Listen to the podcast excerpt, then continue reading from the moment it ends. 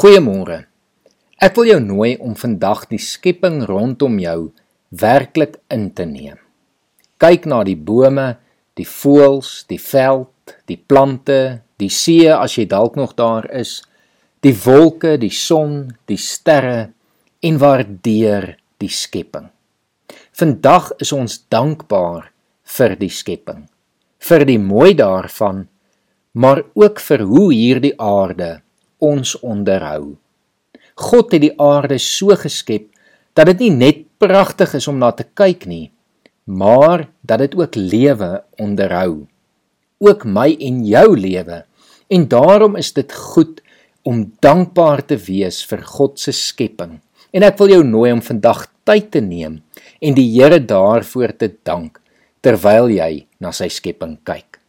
Ek lees vanoggend vir ons die bekende skepingsverhaal uit Genesis 1 voor wat ons net weer herinner hoe wonderlik God hierdie skepping gemaak het. In die begin het God die hemel en die aarde geskep. Die aarde was heeltemal onbewoonbaar. Dit was donker op die diep waters, maar die gees van God het oor die waters gesweef. Toe het God gesê: "Laat daar lig wees." En daar was lig. God het gesien die lig is goed en hy het die lig en die donker van mekaar geskei. God het die lig toe dag genoem en die donker het hy nag genoem. Dit het aand geword en dit het môre geword. Dit was die eerste dag.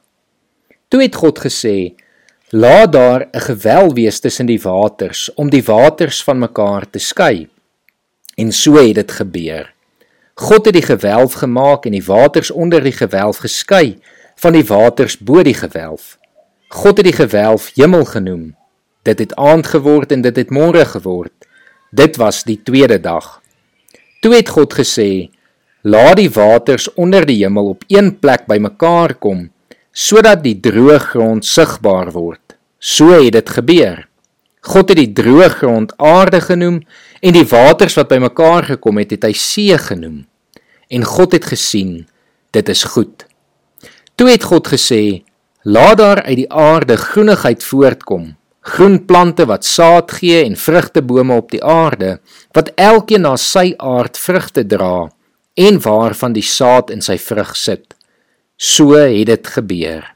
Die aarde het groen plante laat uitsprei wat elkeen na sy aard saad gee en bome wat vrugte dra met die saad daarin, elkeen na sy aard. En God het gesien dit is goed Dit het aand geword en dit het môre geword. Dit was die derde dag.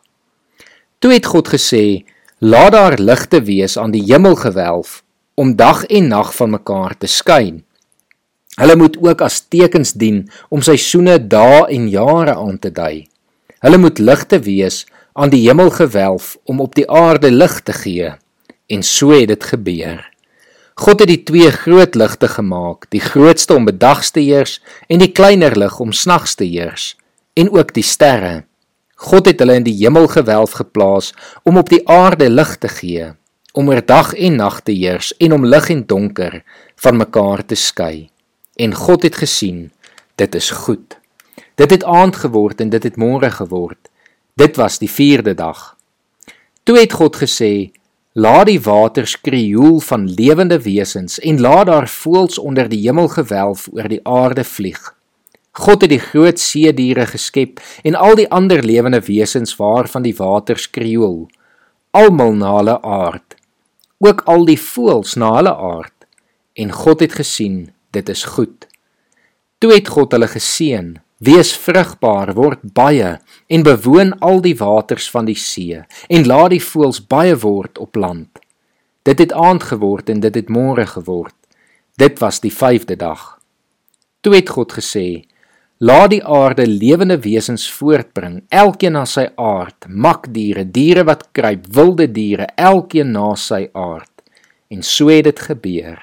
God het die wilde diere op die aarde gemaak elkeen na sy aard, ook die makdiere, elkeen na sy aard, en ook al die diere wat kruip, elkeen na sy aard. En God het gesien, dit is goed. Kom ons dank die Here. Here, dankie vir hierdie wonderlike skepping wat U gemaak het. Here, elke plantjie, blommetjie. Here, die diere, elkeen na sy aard, Here. Here, die hemelligte wat vir ons lewe moontlik ook maak deur die son. Here, dankie vir alles en dankie vir die mooi daarvan. Dankie dat ons dit kan waardeer en dankie dat ons dit kan benut. Here, ons wil dit nie sommer net van selfsprekend aanvaar nie. En daarom wil ons dit graag ook met ons lewens bewaar lei ons ook daarin dat ons in ons dankbaarheid vir u skepping dit ook getrou sal onderhou soos wat u ons ook beveel het hier in Genesis. Ons bid dit in Jesus se naam alleen. Amen.